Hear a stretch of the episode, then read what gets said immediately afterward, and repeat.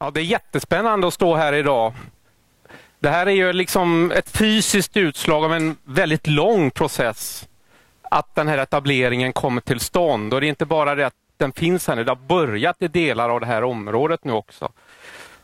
Um, och som forskare då så har vi varit väldigt intresserade av den här processen för det är ett väldigt bra tillfälle att studera vad den här typen av etableringar kan innebära. Vi har studerat den hittills och vi kommer att fortsätta göra det. Temat för dagens presentation, om jag ska ta fram den.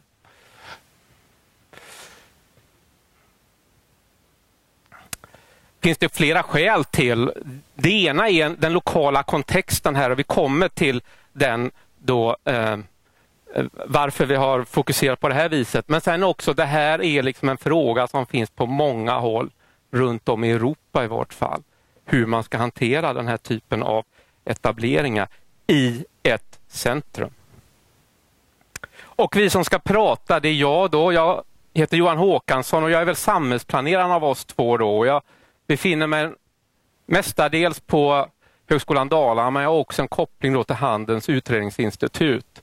Och jag ska, min kollega som också ska prata Ja, jag heter Madeleine Lagin och är doktorand i företagsekonomi med inriktning handel och är verksam här vid Högskolan Dalarna och även Örebro universitet. Det upplägget vi hade tänkt oss, eh, först lite bakgrund. Den första frågan är väl kanske lite övermaga med tanke på att vi har Johan och Ikea här. De vet väl bäst kanske varför de kommer. Men vi har ett lite annat perspektiv på det här som vi tycker kan liksom bidra till det här. Ehm, men sen så tänkte vi också lite grann i stort prata om vad man kan förvänta sig för någon slags effekter av det här ehm, och referera lite grann till hur det traditionellt sett kanske gör och vad ny forskning säger. Vi tänker prata lite grann om vad som har hänt hittills och sen lite grann generellt om handeln i Bålänge. Innan vi kommer över på själva centrum och centrumets utveckling så har vi också ska vi referera till någon studie som vi har gjort som handlar om, där vi har tittat på hur folk faktiskt reser med bil till handel och köpcentrum här i Borlänge. Och sen så kommer vi då in då på de här frågorna. Vad har hänt med centrumhandeln? Eh, vad står den inför utmaningar och möjligtvis lite grann vad vi kan se att det är viktiga saker att arbeta med framöver. Vad kan man då säga om Sverige då? IKEA, vad är IKEA i för slags process här? Alltså, det finns ju ett antal varuhus runt omkring Dalarna så vi är lite grann inne på att det här är någon form av förtätning där man försöker hitta nya marknader som också betyder att IKEA-varuhus mer och mer liksom lite grann konkurrerar med varandra. Det implicerar en förtätning.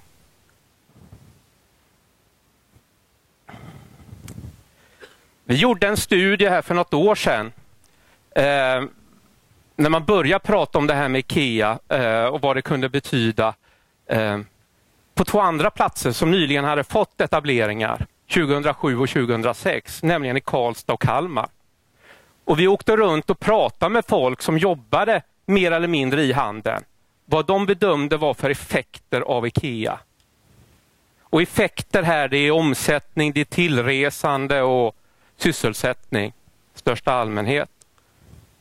De bilder som framkommer de är ganska lika på de här två orterna. Man har samma erfarenheter. När vi pratar med dem så säger man att det är stora effekter på etableringsorterna. Stora positiva effekter. Det är den bedömningen som folk gör. Och det är främst sällanköpshandeln som påverkas och särskilt möbel.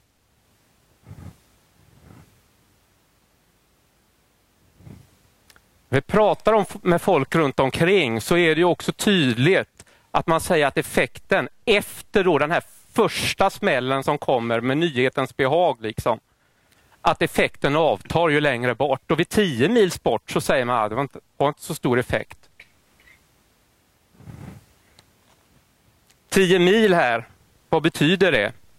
Det är den yttre ringen här med Borlänge i, eh, sitt, eller centrum.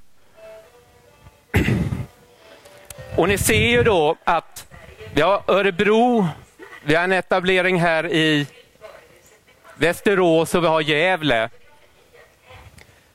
Det är ju alldeles uppenbart om man färdas 10 mil i dagsläget till IKEA att man kommer att konkurrera med varandra.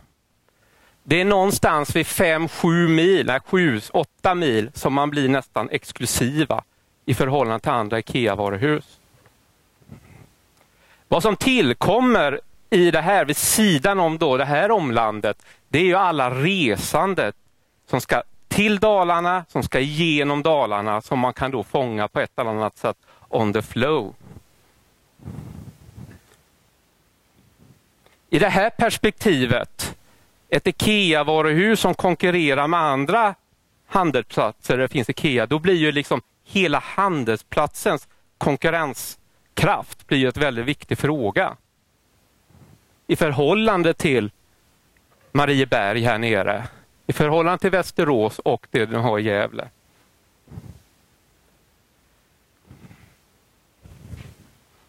Vad kan man förvänta sig för mervärden då när det gäller omsättning?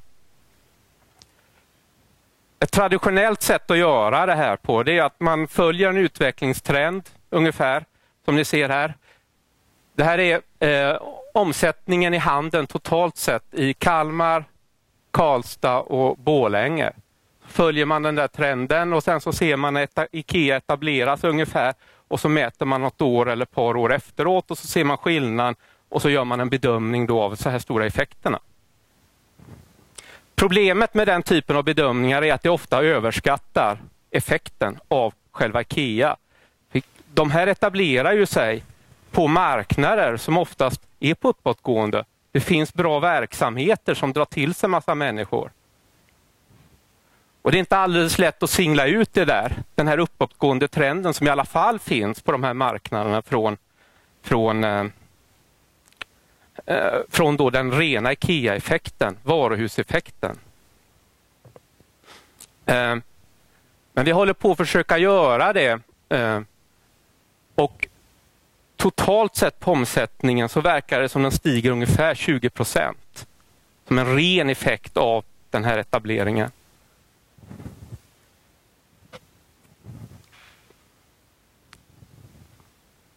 Den här effekten den påverkas också av vad det råkar vara för makrokonjunkturer i världen. Liksom. De här makroläget har också en ganska stor betydelse för hur det här tar, tar fart. Vad händer då i regionen? Självklart så finns det redan idag ett väldigt attraktivt, eh, eller väldigt attraktiv handel i regionen som helhet. Med tanke på att vi har väldigt mycket in, eh, ja, konsumenter som kommer utifrån och handlar i Borlänge. Men regionens attraktivitet som helhet ökar för det kommer hit ett varumärke som är väldigt starkt och igenkänt av konsumenterna. Det i sin tur leder ju självklart till att det blir fler folk i rörelse i området, i hela regionen och även i Bålänge. Och det här skapar nya affärsmöjligheter. Eh, med de här stora etableringarna av de här stora handelsföretagen så innebär det också en ökad konkurrens och kanske speciellt för småföretagare som inte har samma finansiella resurser som de stora handelsföretagen. Och Det här är väl den, den situationen som man behöver på något sätt hantera som småföretagare i kampen om konsumenterna. Vi ser dock att det finns en trolig möjlighet till att man som småföretagare kan dra till sig de konsumenterna som IKEA faktiskt innebär att de ja, tar med sig hit till Borlänge eller drar hit. Men man måste då arbeta för det. Och mycket av den här spillovern baseras även på Ikeas etablering, alltså själva lokaliseringen här i Borlänge. Den som vi tror på. Om vi tittar på vad som har hänt hittills i etableringsområdet så är det ju att ja, själva lokalen är ju på plats, själva varuhuset är ju på plats, vi står ju mitt i det. Eh, några av verksamheterna har öppnat sina dörrar som Elgiganten till exempel. Eh, Infrastrukturen runt omkring området, Norra Backa, har ju byggt om för att underlätta för bilar, alltså konsumenterna, men även transporter till båda handelsområdena i termer av kupolen och Norra Backa. Vissa verksamheter har även flyttat från kupolen in hit till Ikano Retails eh, byggnader. Vilket innebär att kupolen har lediga lokaler och då söker nya hyresgäster. Vilket kommer ändra lite grann i, i infrastrukturen i vilka handelsbolag som finns nere här i området. I centrum så pågår det för tillfället ett utvecklingsarbete vilket vi kommer att komma in på mer i detalj senare. Eh, och Det som man kan säga om vad som har hänt i centrum är väl att det för tillfället finns dubbeletableringar av bland annat Systembolaget och Intersport. Bara de har dubbeletablerat sig här nere på Norra Backar. Varför tror vi mer orsaker till varför vi tror på en möjlig spillover här. Och det har att göra med, då kan man fundera lite grann kring läget. Hur centralt är det? Hur bra är det? Det här läget. Här ser ni en skissartad bild kan man säga av markanvändningen i Bålänge, den centrala delen av Bålänge. De ljusblå områdena här, det är schematiskt ungefär där vi har merparten av handeln i, i vår stad. Och här har vi då eh, Ikea. Precis här vid så möts två stycken stora riksvägar. Periodvis väldigt mycket trafik. Det är turister upp till, eh, bland annat turister som ska upp till Sälen och det är sommarstugeägare som, ägare som ska upp till Dalarna. Det är en väl trafikerad plats det här. Alldeles vid sidan om här så finns det då en järnvägsstation och en järnvägsnod också. Båda de här sammanfaller inom det här området. Väldigt tätt ihop. Den gröna punkten här, om man går vidare kring det. Det är den punkt i Bålänge som Bålängeborna minimera sina transportresor. Alltså resandet, transporterna minimeras till den här punkten i vägnät. Så om man ska lokalisera någonting som minimerar transporterna i Borlänge för Borlängeborna, då ska det vara där. Det är Banverksskrapan, den gamla. Runt omkring Sveatorget här, i närheten av det, om vi ska minimera transporterna för dalmasar och dalkullor så är det vid den platsen. En dalmas och dalkulla har cirka 52 kilometer i genomsnitt till den platsen. Det är 10 procent bättre än alla andra platser här i Dalarna utanför Bålänge, Bålänge centrum. Minst 10 procent bättre. Från den platsen så når man inom 70 kilometer, 75 procent av alla dalmasar och dalkullor.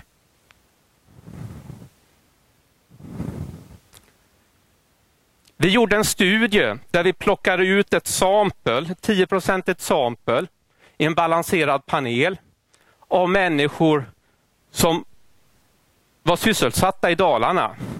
Och så observerade vi hur långt de hade till sina arbeten kring varje individ så skapade vi då på basis av det där en lokal individuell arbetsmarknadsregion. Och så la vi ut allt det där på en karta. Alla de här lokala arbetsmarknadsregionerna. Och så var vi runt på den där kartan och så summerade vi hur många sådana här överlappande lokala arbetsmarknader finns det. Och den punkt som har flest sådana i Dalarna, den plats, det är Stationsgatan. Jämfört alla andra platser i Dalarna så har den 35 procent mer, 30-35 procent fler människor som kan nå den platsen på daglig basis.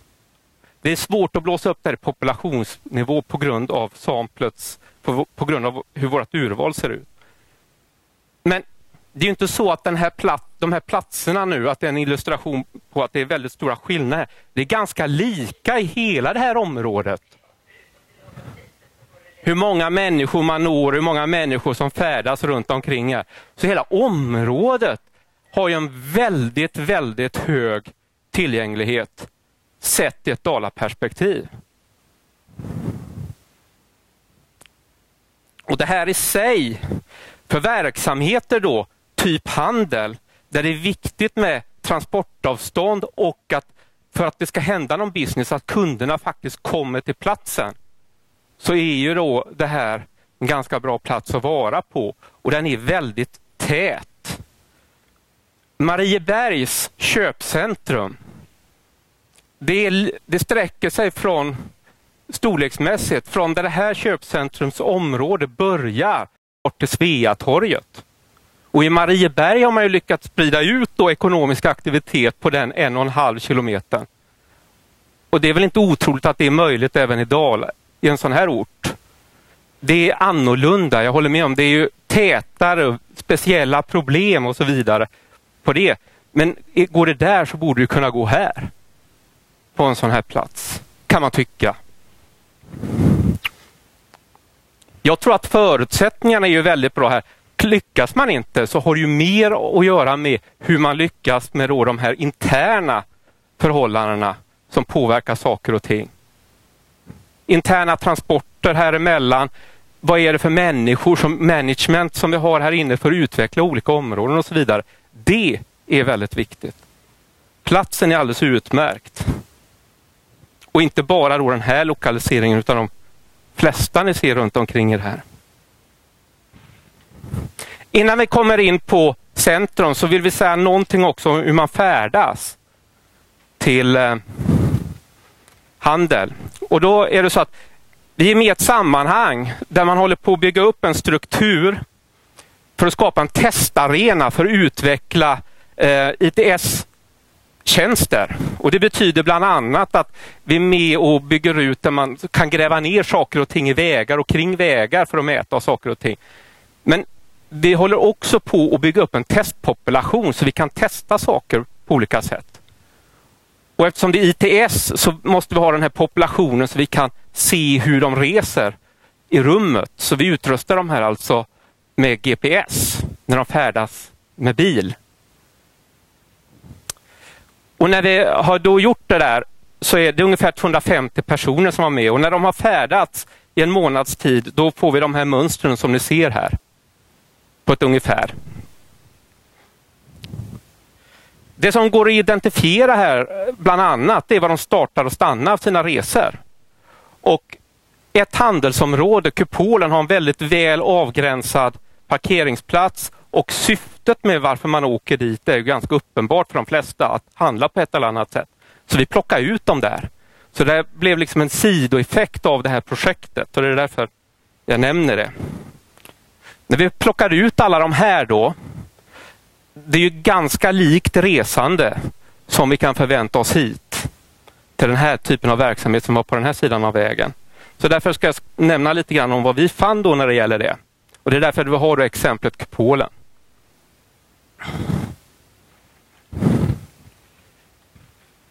Medianindividen gjorde tre resor på två, under två veckor som vi tittade på varje individ. Den som reste mest under två veckor, den var 12 gånger på kupolen. Så det var ett jäkla rännande nästan varje dag. De flesta resor till kupolen, de sker direkt och man stannar, gör inga stopp utan man kör därifrån man startar till det, dit man ska, den destination man ska. De flerstopps, det är majoriteten av resor, de flerstoppsresor som finns med bil här nu, de är mellan kupolen och centrum i huvudsak, men också mellan kupolen och Norra Backa. I övrigt så finns det inga flerstoppsresor. Resorna med bil när man åker till kupolen hänger, har inte alls någon, eh, hänger inte ihop med när man handlar dagligvaror eller någonting sånt här. Det finns jättefå resor som kopplar ihop det på det viset. Jag skulle säga också de här, när de också går direkt mellan mellanliggande, alltså utan mellanliggande stopp så är de väldigt effektiva. Alltså man väljer den kortaste resvägen. Det är inga detours, det är inga omvägar man kör. Man kör den kortaste och snabbaste vägen. Och man reser, när man reser med bil, från sin bostad till shoppingcentret, i huvudsak.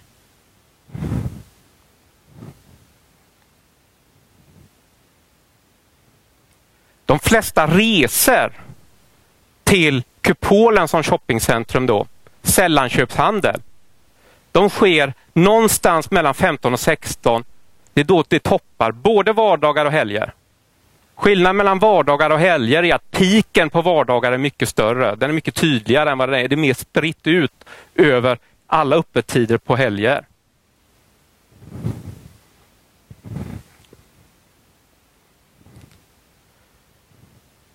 Ja, det var det jag sa där.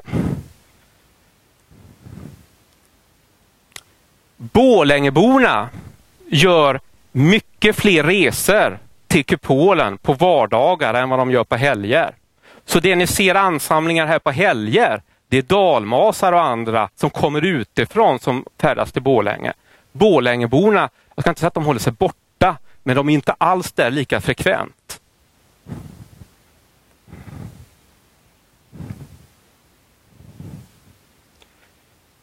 Det här är bilresandet vi har pratat om. Vi har inte studerat hur man går, den typen av flöden. Vi har ingen heller koll på allt sånt här som sker on the flow, alla liksom, eh, turister som kommer förbi, för det har vi inte studerat.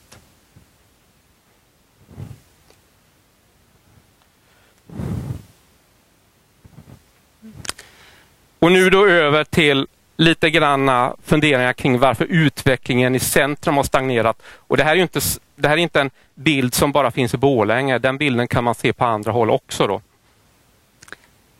Ja, exakt. Och eh, i just Borlänges fall är det ganska intressant med tanke på att den undersökningen Johan visade eh, att Stationsgatan är en central knutpunkt i Borlänge. En av anledningarna till att Borlänge centrum har stagnerat är ju den etableringen av kupolen för ungefär 20 år sedan. Det var då Borlänge centrum började få lite problem och har väl tampats med det i 20 år. Eh, det i relation till en relativt svag befolkningsökning och inkomstutveckling så räcker inte marknaden till för alla handlare här i Borlänge och Dalarna. En fjärde punkt som vi noterade när vi gjorde den här analysen av Borlänge centrum är centrumets synlighet för egentligen både de som bor i Borlänge och de som kommer utifrån. Man ser eh, Norra Backa och även Kupolenområdet ganska tydligt men man hittar inte så lätt in till centrum eh, i, ter i termer av synlighet. Då. Men när vi satt och funderade på vår kammare som vi forskare gör eh, så satt vi och funderade över om det kan finnas andra anledningar till att Borlänge centrum inte har lyckats skapa en konkurrenskraft i relation till de här större handelsområdena eller mål. Och vad säger då den här bilden oss egentligen? Det här är en bild av den ungefärliga fastighetsägarstrukturen som vi hade i centrum för några år tillbaka sedan. Det var på den tiden vi hade ett fastighetsbolag här som hade ett eh, bestånd som hette Alekton, tror jag de hette. I den här bilden så har vi ett 50-tal fastighetsägare i centrum. När vi kategoriserar de här så har vi åtta olika kategorier.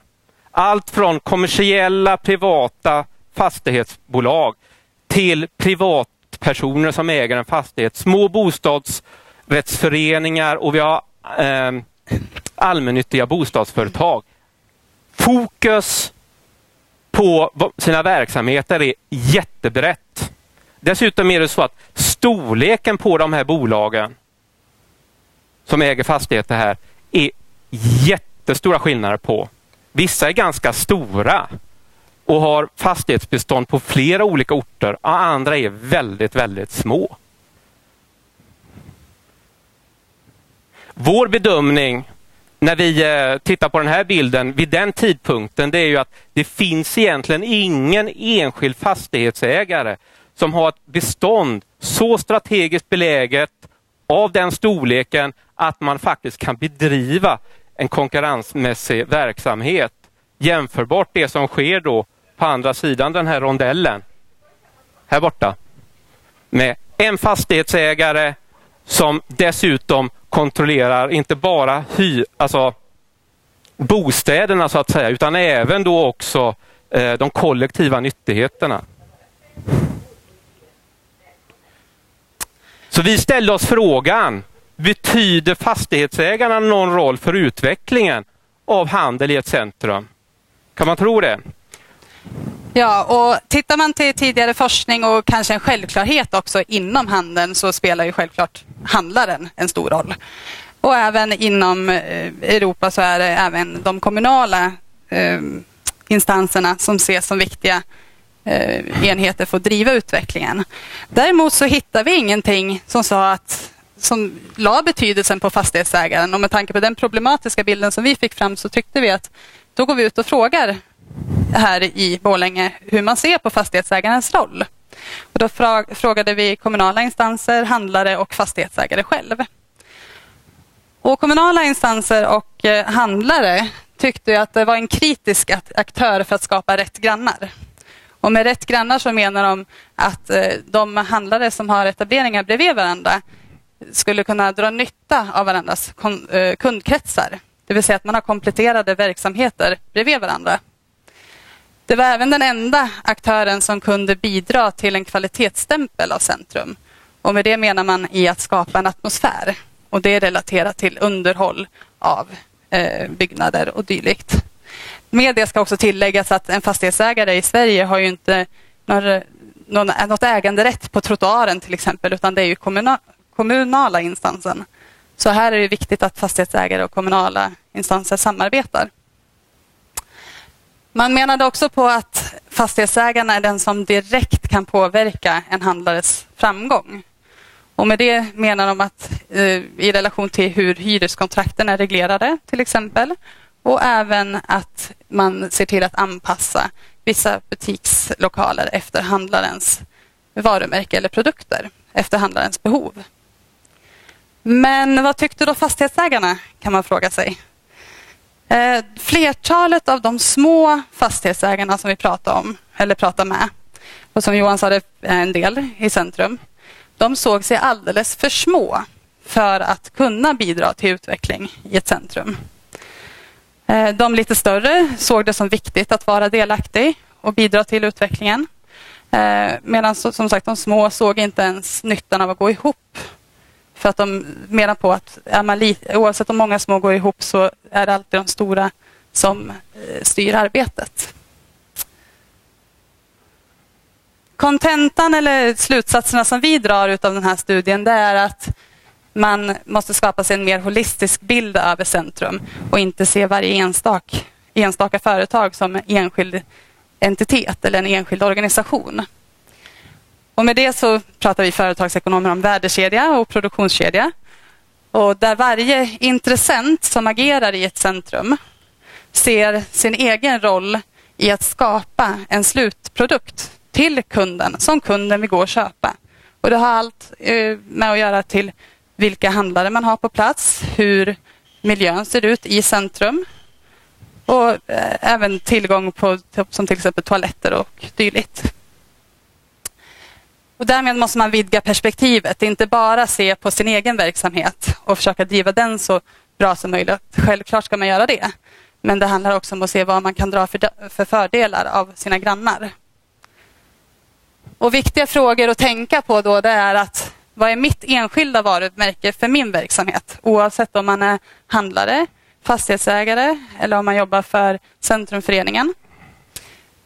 Och vad är det gemensamma varumärket för Borlänge centrum? Vad är det för typ av varumärke vi vill sätta för vårt centrum?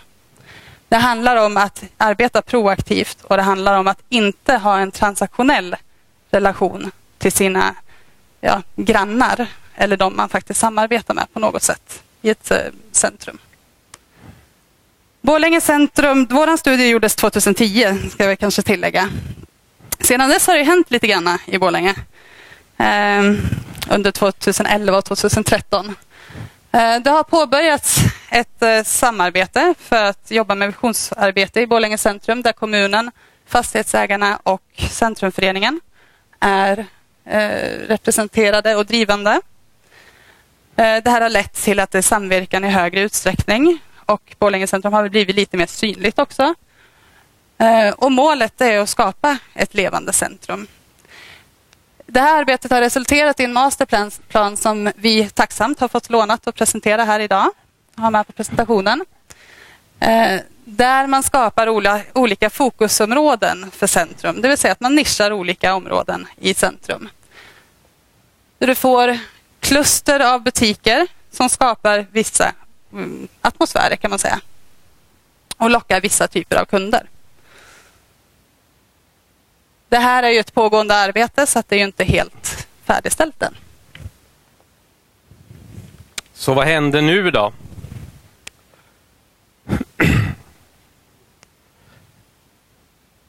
Vi tror inte att inte agera, att vänta och se, nu kommer det hända saker. Det, kan, det är inte ett framgångsalternativ. Man måste göra saker, man måste börja jobba med de här sakerna. För annars kommer det väl hända ungefär likadant det som hände sist. Men det finns ju en erfarenhet nu om vad som kan hända. Så hur kan man då agera? När det gäller samhället så är det massa olika saker. Jag tror att den här frågan kring tillgänglighet är jätteviktig. Och allting från parkeringsnormer, parkeringsplats, ska du betala för dem? Infrastrukturen i stort så att det flyter på. Man har ju gjort jättestora satsningar här och vi får väl se, man får liksom följa upp dem. Vi kommer att ha, eftersom det är så tätt så blir det en väldigt trixig fråga hur man skapar flöden internt här också. Och hur sånt kan skapas blir en väldigt viktig fråga här. Det finns massa olika strängar som man kan ha på den lyran eh, eh, för att skapa det. Möjligen. Jag tror att det är viktigt om det börjar hända någonting att man har förberett planarbete så planarbetet är effektivt. Så man blir beslutsfähig i, i frågor som kommer upp. Kompetensförsörjning både bland företagare men även sådana som ska jobba i branschen eh, kommer att vara viktigt för att hela den här handelsplatsen ska bli attraktiv då i den konkurrens som finns med Örebro och andra ställen vi har runt omkring oss. Och sen det går aldrig att komma, komma bort från en fråga, eh, man blir nästan tjötig, men boendefrågan är ju också väldigt, väldigt viktig. Och när, när det gäller då handel så är det möjligtvis en speciell eh, vinkling man kan ha på det därför att om det går att skapa mer boende i centrum så skapar man ju också på ett annat sätt lokala underlag för en viss handel som kanske inte behöver vara hårt nischad. Fastighetsägarna. Alltså man måste leda det här arbetet för att utveckla de här attraktiva miljöerna som drar till sig annan handel. Det är möjligen så att fastighetsägarna i centrum har några fler strängar på sin lyra än vad man har om man är här eller om man är på andra sidan vägen här. Nämligen att det är fler olika typer av business som, kan, som liksom är intresserade av att vara lokaliserade så man kanske har en annan uthållighet på det viset. Jag tänker på, eh, på eh, andra arbetsplatser och boende vid sidan av handel i de här fastigheterna. Eh, vi tror att det är väldigt viktigt att synliggöra centrum. Kanske inte för Borlängeborna, för vi hittar vi som bor här, vi hittar ju dit. Men alla som kommer utifrån. Och det, det åligger inte bara fastighetsägarna utan det är ju även andra intressenter. Ja, och hur kan, ja, och hur kan jag, eh, man som handlare då agera? Eller vad, vad kan jag göra om jag har en verksamhet i Borlänge centrum? Det första man kan fundera på är, konkurrerar jag eller kompletterar jag IKEA-området. För självklart är det svårt för en liten handlare att direkt konkurrera med både IKEA, eller Icano Retail eller Kupolen. För att de har stordriftsfördelar helt enkelt. Till skillnad från en, en liten företagare i centrum. Och Då brukar man prata lite grann om branschglidning eller om eh, ehm, nischning. Branschglidning innebär att man i större utsträckning börjar samarbeta med ett annat företag som kanske kompletterar sitt, eh, sina produkter och då marknadsför sig gemensamt för att skapa styrka. Man drar, man drar på varandras resurser helt enkelt för att skapa en star ett starkare varumärke. Nischning handlar ju om att specialisera sitt produktutbud helt enkelt. För att på något sätt komplettera eller specialisera sig i jämförelse med de stora handlarna. En annan viktig fråga som man kan ställa sig är rekrytering. Små handlare har ju inte direkt eh, resurserna att rekrytera eller att ha anställda. Det är väldigt få av företagen uppe i centrum som har speciellt många anställda. Eh, självklart handlar det om att få in rätt kompetens eh, på, på det som man vill kunna utveckla verksamheten på. Alternativt att man kompetensutvecklar sig själv i det som man behöver kunna för att bli starkare. Att kompetensutveckla sig själv som liten företagare är aldrig fel för att eh, ha en styrka i kunskap om hur man hanterar situationer eller om hur, hur man kan göra saker. Den fjärde saken som vi tyckte att man kan fundera över det är just det här lokalisering. Med tanke på att vad jag sa innan om det här med rätt grannar. Är min, mitt företag eller min verksamhet rätt placerat för att kunna dra nytta av mina grannars kunder? För att få dem att spontant gå in genom dörren? Eller är det så att jag kanske behöver fundera på om jag ska omplacera mig inom centrum för att på det sättet. Det är självklart en stor kostnad också för mindre företag men en värd fråga att fundera över. Andra företagare eh, är det ganska viktigt att de ser de här nya affärsmöjligheterna som kan uppstå. Vad är det för luckor inom eh, marknaden som faktiskt saknas? Oftast är det lättare att komma utifrån in på en marknad och se vad det är som saknas på marknaden. Och Det behövs då nya affärsidéer. Avslutningsvis så skulle vi nog vilja trycka på att samarbete är nyckeln till framgång. Och här menar vi att man tillsammans kommer på att arbeta för att bli starka i Borlänge centrum. Att man drar nytta av varandras resurser, att man ser att oavsett storlek på företag eller organisation så har alla någonting att bidra med för att bli starka, för att bygga upp ett varumärke. För det är det det handlar om när man ska konkurrera med de här stora tyngre varumärkena som Ikea eller eh, shoppingmål som eh, Kupolen. Att bygga en identitet. Men det är ju självklart några som måste ta ledningen. Och vi ser ju att det arbete som har påbörjats i Borlänge centrum är väldigt bra. Där fastighetsägarna har tagit ett kliv framåt och är mer ledande. Och vi tror att det i fortsättningen behövs att de blir lokalt engagerade i en större utsträckning. Och Det ser vi gärna att det fortsätter med. Tack för er uppmärksamhet.